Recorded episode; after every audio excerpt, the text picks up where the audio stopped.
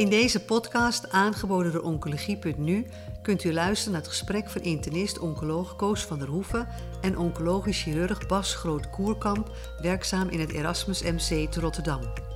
Aan bod komen onder andere waarom intraarteriële chemotherapie, met welk cytostaticum, de indicatie en hoe de pomp wordt aangelegd.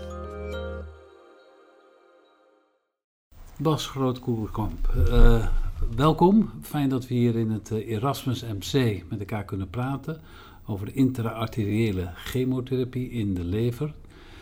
Zelf ken ik de intraarteriële chemotherapie al meer dan 35 jaar en dat pasten we toen toe bij patiënten met levermetastasen van een coloncarcinoom en dan gaven we alleen 5FU.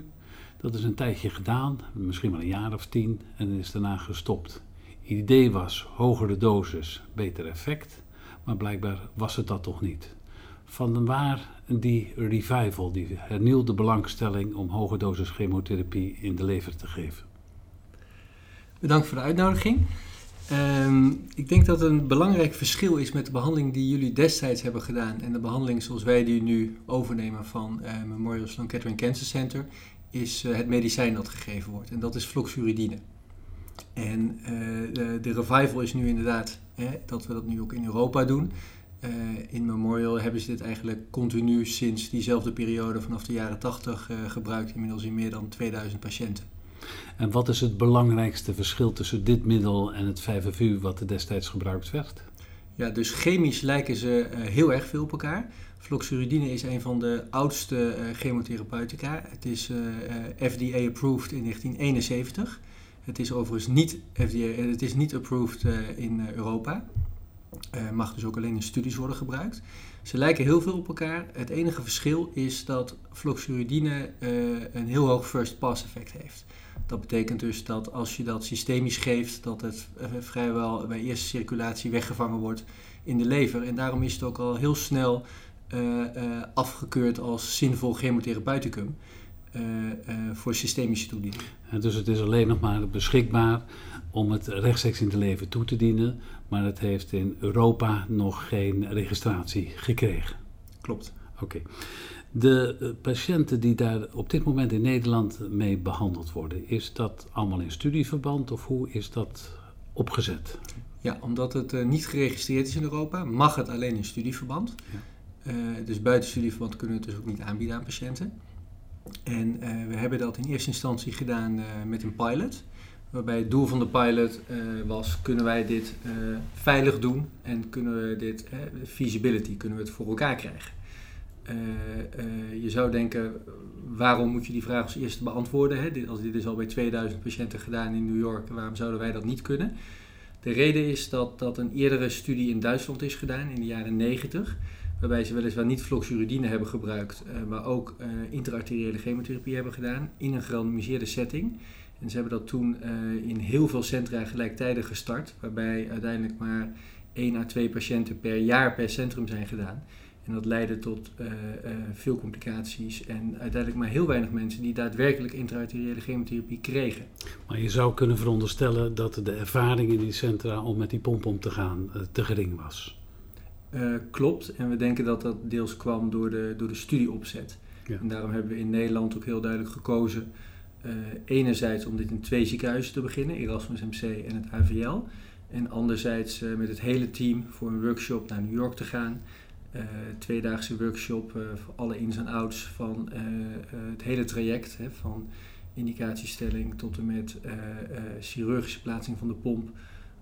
Met nucleaire geneeskunde controleren of de pomp alleen maar de lever voorziet en niet buiten de lever. en vervolgens dan ook de chemotherapeutische behandeling. In Amerika zijn er meer dan 2000 patiënten behandeld op deze manier. hoeveel zijn er op dit moment in Nederland behandeld? We hebben nu ongeveer, uh, we hebben nu meer dan 50 patiënten hebben nu een pomp gekregen in uh, een van de drie studies die, die we op dit moment hebben. De indicatie, om welke patiëntengroepen gaat het? Ja, dus de, de, de, filosofie is dat dit alleen maar werkt als je ziekte beperkt is tot de lever. Ja, want de chemotherapie komt alleen in de lever. En de allerbelangrijkste indicatie is colorectale levermetastase zonder extra hepatische ziekte. Oké. Okay. En als een patiënt nou bijvoorbeeld een pancreascarcinoom zou hebben, geopereerd is en alleen maar metastase in de lever heeft? Uh, om twee redenen uh, uh, komt zo'n patiënt niet daarvoor in aanmerking. De belangrijkste reden is dat we van bijvoorbeeld pancreascarcinoom weten dat, dat er eigenlijk altijd ook ziekte is buiten de lever. En dat mensen niet langer leven, ook niet als je chirurgisch metastase behandelt, met lokale behandeling. En datzelfde geldt dus voor deze lokale behandeling. Gesteld dat er nu een keer een patiënt zou komen die twee jaar geleden geopereerd is en nu metastase heeft in de lever alleen maar in de lever. Is dat dan een patiënt die niet in aanmerking zou komen, ook als je bij laparoscopie gezien zou hebben dat er verder niks is? Uh, nee, want er is nog een tweede reden. Uh, en dat is dat we uh, de katheter, dat is een technische reden, de katheter leggen we in een zijtak van de arteria hepatica. Die willen we bewust niet in een flow hebben. Daarvoor gebruiken we de arteria gastroduodenalis. En die wordt al opgeofferd bij een pancreatoduodenectomie. Dus technisch is het bij patiënten met een pancreascarcinoom na operatie al niet mogelijk? Ja, maar ik denk dat dat van secundair belang is. Want je zou kunnen zeggen, wat dan als je een pancreascarcinoom in de staart hebt?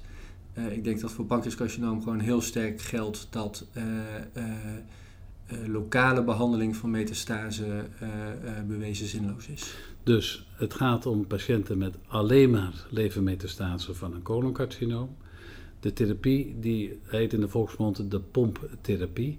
Zou je kunnen vertellen hoe die pomp wordt aangelegd? Uh, ja, die pomp die, uh, wordt alleen, kan alleen met de operatie aangelegd worden. Wat nog even goed is om te realiseren is... het middel dat we geven, floxuridine, heeft een hele korte halfwaardetijd, net zoals 5FU. Uh, eh, orde grote 8 minuten. en dat is de reden dat, dat we het continu willen geven. En uh, over een periode van twee weken chemotherapie, twee weken rust. En dat dan voor uh, tenminste zes maanden. Um, en uh, omdat de katheter verbonden moet zijn met een zijtak van de arteria hepatica, is het dus bij voorkeur dat we dat dus met een pomp doen, zodat, er, uh, zodat de pomp gevuld kan worden en de patiënt aan de buitenkant uh, uh, niet aan een infuuslijn of iets dergelijks vastzit. maar de, er wordt een katheter wordt in de leverarterie aangelegd en dat wordt, de katheter die wordt verbonden met een soort portaket systeem. Dat klopt. Dus we, we moeten dat chirurgisch doen. En het moeilijkste van de operatie is het plaatsen van de katheter. Ja. Dat moet intraabdominaal gebeuren. Uh, waarbij we de arteria ook helemaal moeten vrijleggen. Uh, de, de doos van chemotherapie is zo hoog. In de tumorcel bereiken we een dosis ongeveer 200 keer zo hoog als, met, uh, als je, dat je 5FU systemisch zou geven. En dat betekent dus ook dat die dosis zeer toxisch is. Hij is gelukkig niet toxisch voor hepatocyten, maar hij is natuurlijk wel heel toxisch voor de alvleesklier en het duodenum. En we weten ook bijvoorbeeld van iterumtherapie dat uh, zelfs de linker en rechter arteria hepatica uh, zijtakjes kunnen hebben die teruglopen naar duodenum en alvleesklier. Dus wat we bij de operatie doen is dat we de splitsing van de arteria hepatica en van de arteria gastroduodenalis helemaal vrijleggen, zodat we zeker weten dat er niks kan teruglopen. En vervolgens de arteria gastroduodenalis heb je niet nodig, die offeren we op en daar brengen we dan het kathetertje in. En die brengen we vervolgens door de buikwand heen. En uh, inderdaad, vergelijkbaar met de portacat plaatsen we dan een pomp. Uh, ik heb hier een voorbeeld uh, liggen van de pomp. En die is aanzienlijk groter dan een portacat. Want het grootste verschil met een portacat is dat hij een reservoir heeft. Mm -hmm. en dat is ook juist de extra waarde. die, die flow van die pomp is ongeveer 1 centiliter per dag. En het reservoir is 35 centiliter. Oké, okay, en die, die, die, dit kastje, dat is eigenlijk zo groot als een pacemaker. En dat wordt iedere keer voor twee weken gevuld. Klopt. En dat kan uh, een uh, verpleegkundige, onze oncologieverpleegkundige, uh, eigenlijk in alle centra leren dat vrij snel. Het zijn vaak dezelfde verpleegkundigen die ervaring hebben met, een, met het aanprikken van de portacat. En iedere twee weken moet de patiënt naar het ziekenhuis komen om de pomp te vullen of met, met de heparine zoutoplossing of met de chemotherapie. Oké. Okay. Vanuit patiëntenperspectief, um, als je zo'n behandeling zou moeten krijgen, zou de vraag wel kunnen zijn: kan die pomp ook niet worden aangelegd, of die katheters zonder een operatie? Zou dat niet uh, via de lies of op een andere ja. wijze kunnen? Uh, dat kan uh, en dat wordt bijvoorbeeld ook in Parijs gedaan. in Parijs doen ze ook al jarenlang intraarteriële chemotherapie. Uh, uh, ze hebben daarvoor gekozen om niet floxuridine te gebruiken. Ik denk heel praktisch, omdat het uh, niet, niet, beschikbaar is, lastig beschikbaar is in Europa. zij geven meestal uh, oxaliplatin en 5FU. En zij brengen inderdaad de katheter in via de lies. Daar zitten twee nadelen aan. het ene nadeel is dat de katheter daarmee in de flow van de arteria hepatica ligt. En dat vindt de arteria hepatica niet leuk. Dus dat betekent dat het aantal tromboseringen hoog is en ook hard toeneemt, soms wel tot 75 procent. hoe langer je de katheter erin laat. Het tweede probleem is dat, uh, dat ze er dus vaak voor kiezen uh, uh, om of kort te behandelen en de katheter na een paar dagen uit te halen. Die periode is er dan wel een verbinding van de katheter van binnen naar buiten. Of ze verbinden het met een, met een portekat. dat zou je ook met een pomp kunnen doen. Maar voor langdurig gebruik blijft dus het probleem dat je een katheter in een flow hebt. En ik denk de, de twee grote verschillen, eh, de twee grote voordelen van de Memorial-strategie met een pomp, is ik denk het belangrijkste medicijn, hè, dat je dus die heel veel hogere doses hebt. En daarnaast dat je dus langdurig kan behandelen, omdat je niet in de flow van de arteria hepatica ligt. Op zich is het tromboseren van je arteria hepatica geen ramp. Uh, meestal krijg je daar geen leverabscessen van.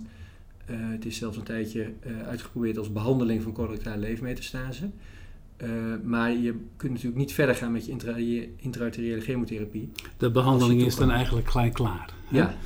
Um, we hebben het gehad over één bijwerking, de trombosering. Zijn er nog meer uh, bijwerkingen die vermeld moeten worden bij deze behandeling? Ja. Operatie, trombosering, wat kan de patiënt er nog meer van merken? Het is zeker geen uh, behandeling zonder risico's. Uh, het meest bijzondere, om dat toch eerst even te noemen, is dat, dat als alles goed gaat, en dat is toch bij veruit de merendeel van de patiënten, de patiënt er niets van merkt. Hè, dus patiënten hebben chemotherapie zonder systemische bijwerkingen. bijwerkingen. Ja. Ehm, allereerst zijn er de complicaties van de operatie. zoals met iedere prothese in het lichaam is er zorg voor infectie en voor nabloeding. Uh, infectie hebben we nu in Nederland pas één keer gehad en die pomp kunnen we dan verplaatsen. Dus dan plaatsen we elders een nieuwe pomp met een relatief kleine operatie. Maar we doen er alles aan, uh, net zoals met bijvoorbeeld heupprotheses, om infectie te voorkomen. Tweede complicatie is een nabloeding. Dat is met name als je een bloeding hebt in de pumppocket, dan is de pomp moeilijk toegankelijk. Vervolgens zijn er de complicaties van de chemotherapie zelf. zoals ik al zei, het komt vrijwel niet buiten de lever. Ehm, de hepatocyt heeft er weinig last van, de cholangiocyt heeft er wel last van. En we weten ook bijvoorbeeld van leeftransplantaties dat, dat de galweg uh, qua doorbloeding erg afhankelijk is van de arterie. En uh, dat betekent dat uh, we bij iedere controle van de patiënt de leverwaarde controleren. En daar hebben we een gestandaardiseerde protocol voor van Memorial om doses te reduceren als de leverwaarden omhoog gaan. En waarmee we willen voorkomen de uiteindelijk meest vervelende complicatie uh, een stenose van de galweg. Een stenose met als gevolg daarvan een icterus en ook een grotere kans op infecties. Ja, dat infectie is meestal niet uh, een probleem, maar als er een galwegobstructie is, dan moeten we dat verhelpen met een stent. En dat is natuurlijk een invasieve ingreep. Okay. En dat hebben we nu drie keer gehad. Oké. Als een patiënt geopereerd wordt, wat is de gemiddelde opnameduur na de operatie?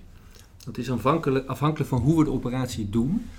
Ehm, eh, we doen uh, in de meeste patiënten die we hebben behandeld, was in de adjuvante setting voor colorectale levermetastase. Die patiënten die opereren we sowieso om de levermetastase weg te halen. En dan plaatsen we daarnaast een pomp. de pomp bepaalt dan eigenlijk niet de opnameduur, maar de leverresectie bepaalt de opnameduur. Uh, daarnaast uh, plaatsen we de pomp uh, nu ook in een net gestarte trial voor galwegkanker. en dat is dan alleen de, de intrahepathische cholangiocarcinoomgroep. Dat zijn maar een paar honderd patiënten per jaar in Nederland. En als die geen uitzaaiingen hebben en we kunnen het niet weghalen met een operatie, hè, dus locally advanced of niet resectabel intrahepatisch cholangiocarcinoom, geven die patiënten ook een pomp. En dat doen we bij voorkeur met de robot. En dat betekent dat we dus in plaats van met de laparotomie met kleine incisies uh, die pomp kunnen plaatsen.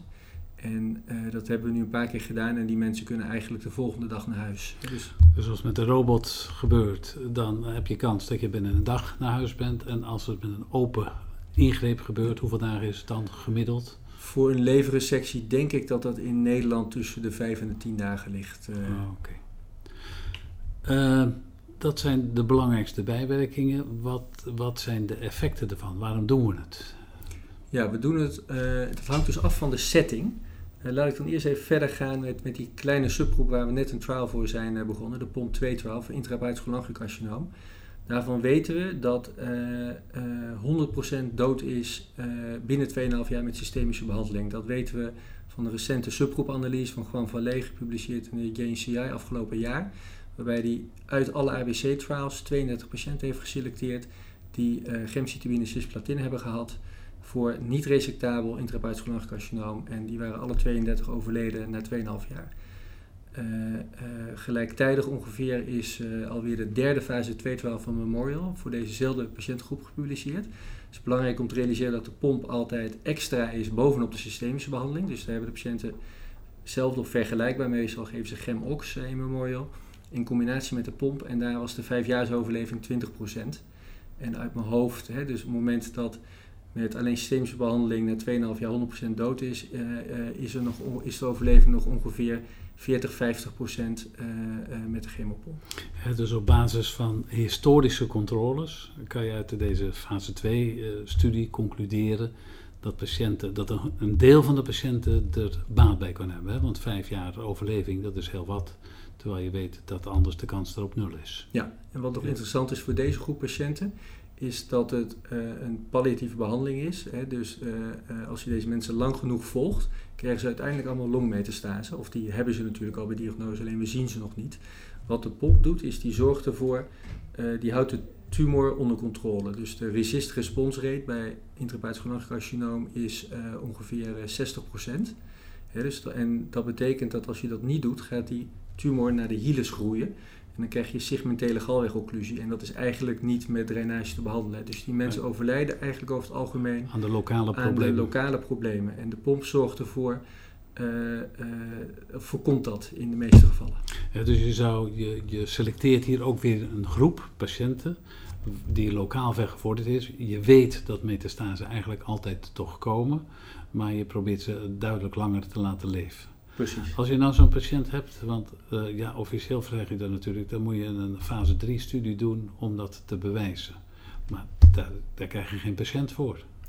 Dat is voor uh, galwegkanker, vind ik, met, de, de, hè, dus met die twee recente studies die uh, gepubliceerd zijn in de JNCI en JAMA Oncology, is dat moeilijk, zou je kunnen zeggen. Nou is het wel zo dat Memorial toevallig net uh, een RO1 grant heeft gekregen om hier wel een fase 3 trial na te doen.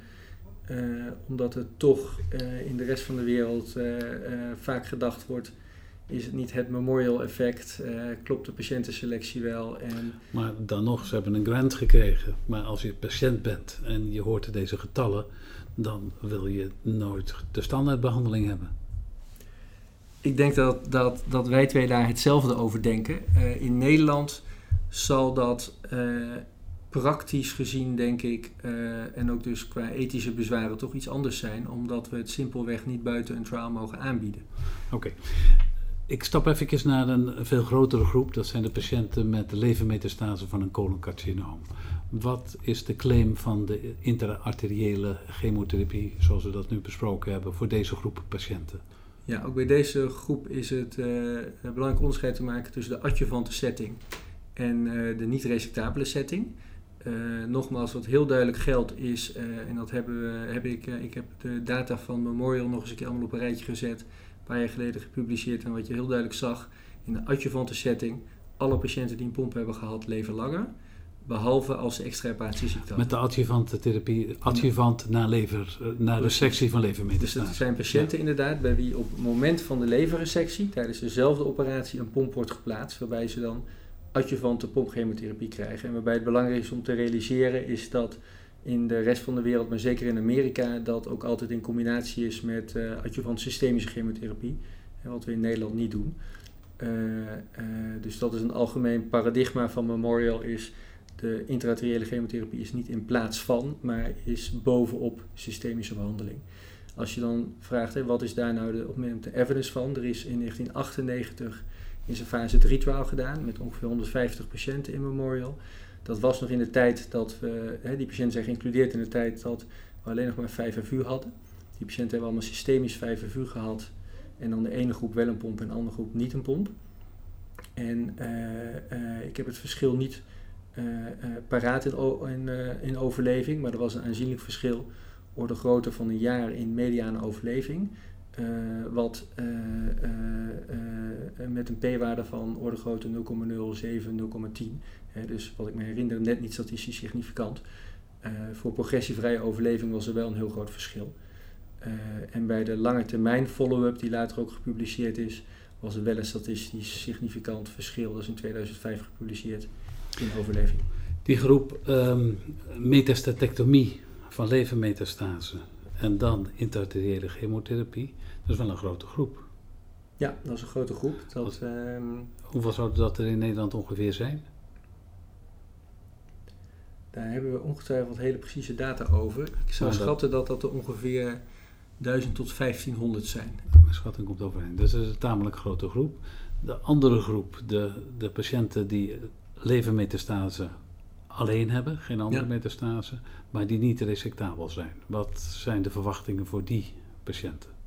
Ja, voor de niet-resectabele groep uh, uh, hebben we nu nog geen studie in Nederland. En dat is eigenlijk om een hele praktische overweging dat we in Nederland vanuit de DCG eh, de visie hebben dat we geen concurrerende studies willen. En we hebben natuurlijk nog de Cairo 5-studie lopen voor die populatie. We hebben wel de ambitie om als opvolger daarvoor de, de, de, de winnende arm tussen aanstekens van de Cairo 5 dan te vergelijken met, met dus inductiechemotherapie met de pomp. Um, daar zijn ook meerdere fase 2 trials van gedaan. Daar is geen fase 3 trial voor gedaan. De responsrates zijn heel hoog. De grootste serie, uh, de grootste fase 2 trial is ongeveer 50 à 60 patiënten. En de responsrate is ook ongeveer 60%. Waarbij het met name opvallend is dat de responsrate nog even hoog is bij progressie op systemische chemotherapie. En dat is dan, dit, deze studie is gedaan in de fase dat alle patiënten oxaliplatin of irinotecan hebben gehad. Maar het probleem bij deze patiënten is dat ze vaak worden ingehaald door metastase buiten de lever. Uh, dat klopt. En op die manier zou je dus eigenlijk, en ik denk dat voor deze patiënten minder geldt dan bij cholangiocarcinoom, dat ze zullen overlijden aan de leverziekte. Hoewel dat, uh, daar zijn eigenlijk helemaal geen grote studies naar gedaan. Waarom gaan mensen met colorectale levermetastase, waar overlijden ze aan? Dat zijn natuurlijk hele moeilijke studies. Um, maar uh, de filosofie is wel dat op het moment iemand extrahepatische ziekte krijgt, dat, uh, dat ik er in ieder geval vanuit ga dat dat de driver zal zijn van de overleving. En dat het dan waarschijnlijk niet zinvol is. Dus op die manier hè, is, het een, uh, is het ook een soort selectiemechanisme. maar er is toch wel een aanzienlijk, hè, dus in de studie uh, die in de uh, Annals of Surgery door Dean Jellick is gepubliceerd, heeft uiteindelijk ongeveer de helft van deze patiënten een resectie gekregen. Waarbij het goed is om te realiseren dat de definitie voor niet resectabel in Memorial uh, heel strikt is. Hè. Dus deze populatie had mediaan meer dan 14 levermetastasen, vaak in alle segmenten. Ik kom toch weer een klein beetje terug op, um, op wat we eerder zeiden. Um, het klinkt heel veelbelovend. Alleen de, de, de zorgautoriteit, het zorginstituut, zal als het op een gegeven moment een vergoede behandeling wordt, wel eisen dat het gewoon bewezen is dat het beter is dan we nu doen. En het blijkt, ik denk dat het moeilijk blijft om dat te bewijzen, omdat zo'n fase 3-studie zoveel bias kan hebben, dat de patiënten die weten dat deze behandeling beschikbaar is, eigenlijk deze behandeling willen hebben, niet het andere. Ben je daar ja, dus we hebben nu op het moment, nadat we een pilot hebben, we hebben eerst een pilot gedaan in de adjuvante setting voor colorectale levermetastase. Die is afgerond, die is ook gepubliceerd met 30 patiënten. En we zijn nu bezig met de fase 3 trial, waarbij we uh, uh, meer dan 200 patiënten uh, nodig hebben. We zijn op ongeveer 20% nu, maar we zijn nu snel aan het uitbreiden naar andere centra. Daar hebben we bewust mee gewacht. We wilden eerst laten zien dat we het zelf veilig konden. Ehm, persoonlijk ehm, heb ik uh, uh, geen complete equipoise. Ik denk dat een pomp beter is. Uh, maar er zijn heel veel mensen het niet met mij eens, heel veel experts. en bovendien is het zo dat, ehm, dat het niet zo is dat de patiënt kan kiezen in Nederland om die pomp te krijgen. Ten eerste omdat het middel niet geregistreerd is. En in Nederland worden ook niet, niet geregistreerde behandelingen vergoed standaard. dus praktisch gezien kan een patiënt alleen maar kiezen tussen de standaardzorg zoals die in de richtlijn staat. Namelijk, in Nederland is dat een resectie zonder verder enige adjuvante behandeling. Of hij kan kiezen om aan de studie mee te doen, waarbij hij dus of die standaardzorg krijgt, of de standaardzorg plus de pomp. Het zou natuurlijk het allermooiste zijn als er zo'n studie uh, kan worden afgerond en dat dat een definitief antwoord geeft. En dat je zegt dat het, uh, dat het loopt, dat is, dat is veelbelovend. Um, moeten we dat nou proberen in drie centra te doen, of moeten we naar tien of vijftien? Ik denk dat uh, dit is complexe zorg. Uh, we hebben 100 ziekenhuizen. Ik denk uh, dat het daarnaast wel belangrijk is dat, dat de patiënt de zorg dicht bij huis heeft. het is complex, maar het is niet het allercomplexste in de wereld. Ehm, zoals we net samen al bedacht hadden, 1500 patiënten. En dan heb je natuurlijk ook nog de groep die niet resectabel is en een paar cholangio's. Ik zit zelf te denken orde grote 10 centra. Oké, want zou het ook nog een optie zijn dat de pomp eh, geplaatst wordt in een beperkt aantal centra en dat de behandeling elders wordt uitgevoerd in samenwerking met? Uh, dat zou zeker een optie zijn. Uh, wat we nu bijvoorbeeld doen met het IJsland ziekenhuis hier in Rotterdam is dat de chirurg vanuit Erasmus uh, assisteert met het plaatsen van de pomp al daar in het IJsland, zodat de patiënt dicht bij huis de operatie kan ondergaan. Uh, maar vervolgens, op dit moment, wordt de chemotherapie nog hier in Erasmus gegeven. Um, anderzijds, ik denk als je denkt aan tien ziekenhuizen, de skills die je nodig hebt om deze pomp te plaatsen, is erg vergelijkbaar met de skills die je nodig hebt om lever- of alvleesklierchirurgie te doen. En dat aantal van tien is ook zeker wel het aantal, denk ik, op lange termijn dat in Nederland deze chirurgie zal doen. Dus wat dat betreft zou dat goed uitkomen. Oké.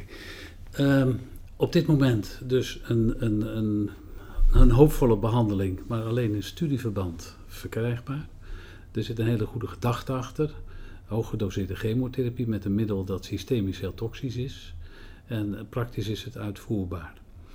Um, als er nou een patiënt is die deze ziekte heeft en die gaat naar New York, hoe gaat het dan met hem? Ja, dus uh, dat is natuurlijk een vraag die veel voorkomt. Hè. Veel patiënten vragen aan mij, uh, kan ik niet beter naar het buitenland gaan? Hè, voor wat voor een behandeling dan ook.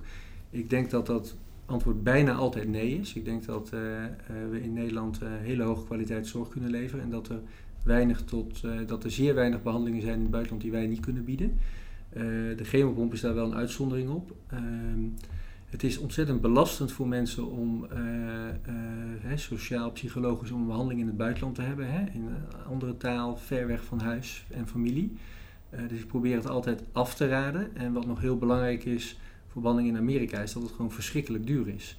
Dus wij denken deze behandeling in Nederland voor orde grootte 20, 25.000 te kunnen gaan aanbieden, die range. Ik ben zelf geen financieel expert, maar als ik dat zo gok, dan denk ik dat het in die range zal liggen. Dat is dan de operatie, uh, opname, de hele chemotherapie, alles. Uh, dan moet je in New York gaat dat snel richting een half miljoen. Je hebt zelf een tijdje in Amerika gewerkt, hè? Ja. Hoe lang heb je dat gedaan en waar? Ik heb uh, twee jaar gewerkt. ik heb vier jaar in totaal in Amerika gezeten, maar ik heb twee jaar als klinische fellow in Sloan Kettering gewerkt. Eén jaar als fellow chirurgische oncologie. waarbij je samen met Amerikaanse fellows per 1 à 2 maanden op een wisselende service zit. Hè. Dus dan werk je een tijd op de breast service, colorectal uh, en je komt dus eigenlijk door het hele ziekenhuis. En vervolgens heb ik nog een jaar specifiek, uh, was ik de HPB fellow, dus hepatopancreatobiliaire chirurgie. Waarbij ik dus alleen die chirurgie gedaan heb. Ja, Oké, je hebt een aantal technieken daar onder de knie gekregen. Waren er nou ook dingen waarvan je dacht van nou, dat doen ze toch in Nederland een heel stuk beter? Is geen goed teken dat je lang over moet denken. Ik denk dat het heel goed te realiseren is over Amerika. Dat Nederlandse ziekenhuizen beter zijn dan 99% van de Amerikaanse ziekenhuizen. Okay. En alleen de top in Amerika, dat is wel de top van uh, eh, 300 miljoen mensen. Uh, waarbij er ook nog uh, eindeloos hoeveelheid geld is.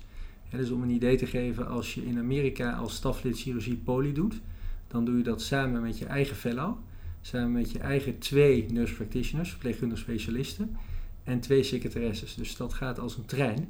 En zo geldt dat eigenlijk voor de hele zorg. Uh, maar dit is een uitzondering en ik denk dat er misschien tien ziekenhuizen in Amerika zijn waarvan je echt kan zeggen eh, dat is wereldtop.